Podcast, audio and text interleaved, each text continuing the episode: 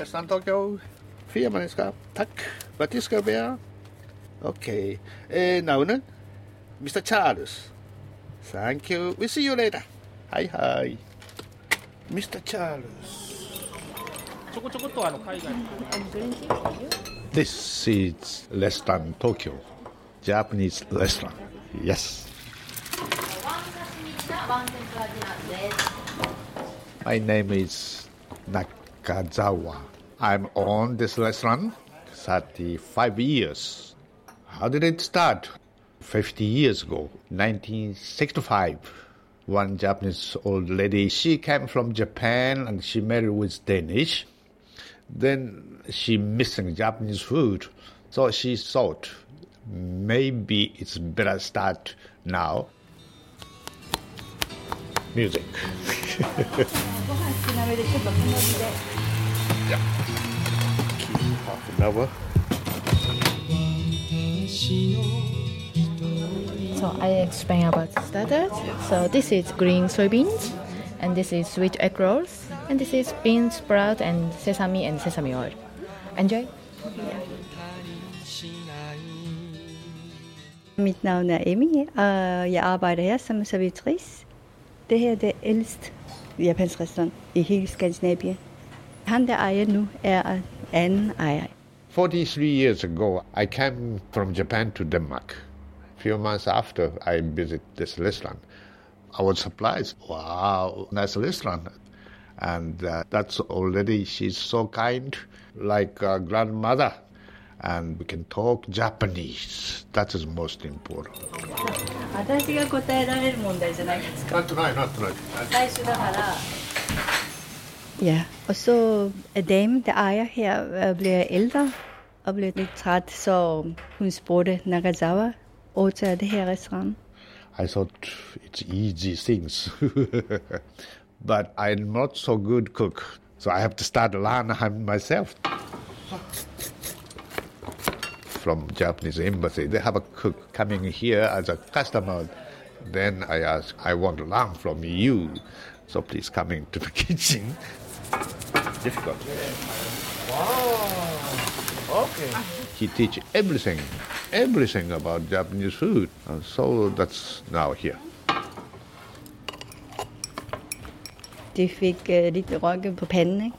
Hvad er det for noget, der rå fisk? Det kan man da ikke spise. Then we teach this is not poison, this is healthy. Japanese eat a lot of raw fish. Now they eat raw fish very well. Yeah.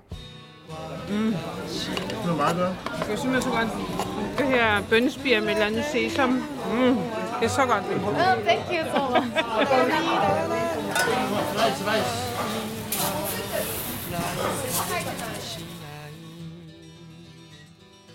Owner before me, when she started the restaurant, she brought everything from Japan.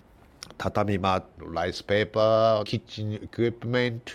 For example, you can see I have uh, this pan, beautiful one, right? It's 50 years old. I took over from her.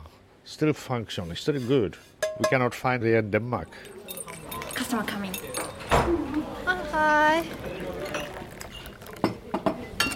Mm, I think uh, this restaurant is uh, very good.